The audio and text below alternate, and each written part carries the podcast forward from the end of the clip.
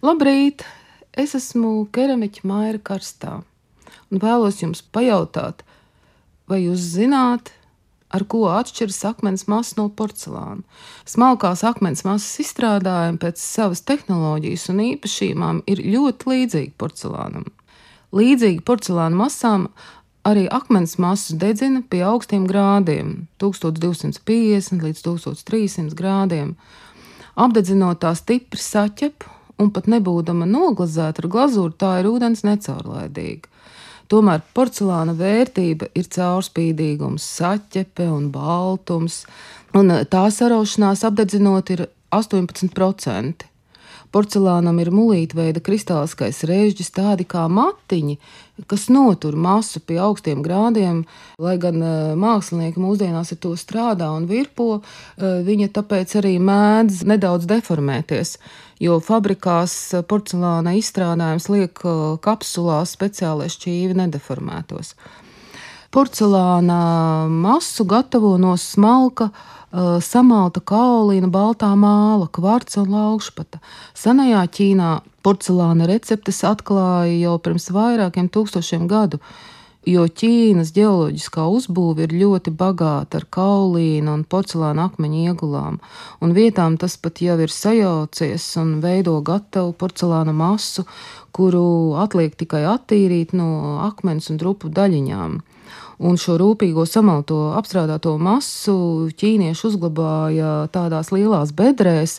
Ir arī rakstos rakstīts, ka reizēm līdz pat simts gadiem, un tā tā masa ieguva lielāku kvalitāti, ieguva ļoti augstu plastiskumu. Pirmo reizi kvalitatīvo porcelānu receptūru Eiropā atklāja 18. gadsimta mēsenē. Latvijā porcelāna ražošanas sākums saistās ar 1841. gadu, kad nodibināja Kuzņecovu porcelāna fabriku. Daudzi mākslinieki strādā ar porcelānu, gan arī virpo porcelānu, bet šajā ziņā akmens masa atšķiras ar to, ka tā vieglāk virpojas un ir viegli uzvirpot traukus. Smalkās akmens masas izstrādājumi pēc savas tehnoloģijas un īpašībām ir ļoti līdzīgi porcelānam. Mums jau pirmie visi trauki uz Eiropu tika ievesti nu, no Ķīnas, ja, un, un tas porcelāna baltums viņiem jau kādreiz bija milzīga vērtība, nelielos daudzumos pirmie.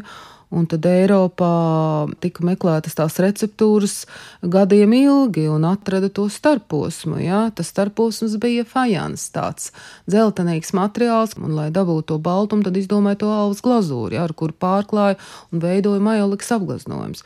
Jo Eiropā ļoti ilgi meklēja receptūras porcelānam, kamēr Meisens fabrikā 18. gadsimtā viņu atrada un tad arī sāka pie mums ražot traukus. Bet sākumā viņus ieveda no Ķīnas un tad uh, majolikas tehnikā.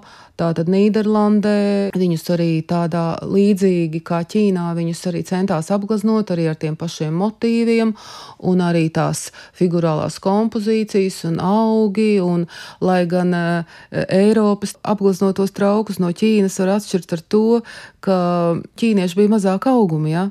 bet kaut kā automātiski Eiropieši uz traukiem gleznoja nedaudz izstieptākas figūras. Tās ir tādas nianses, ar kurām var atšķirt tieši tos oriģinālos Ķīnā gleznotos un no vietējiem māksliniekiem lai gan arī visus apgleznojumus ļoti kvalitatīvi vienmēr ir kopējuši gan turki, gan persiešu mākslinieki, bet kolekcionāri un tie, kas meklē unikālus traukus, zinot visas šīs nianses tehnoloģiskās, jā, prot atšķirt. Kā piemēram, ja turku mākslinieks vai persiešu mākslinieks, ja viņš ķīniešu vāzes kopiju uzstājas labāk kā pat ķīniešu mākslinieku apgleznošanas tehnikā, tad porcelāna kvalitāte atšķirās. Pēc porcelāna baltuma, pēc porcelāna var pateikt, vai tas ir tiešām Ķīnas porcelāns. Nu, ir šādas visādas nianses arī vēl ļoti daudz, kas, ja tās zina, jā, un tie, kas meklē unikālus priekšmetus savām kolekcijām, tad uh, var neuzķerties uz ražojumu, ja, kas ir tāds vienkārši pakaļdarinājums.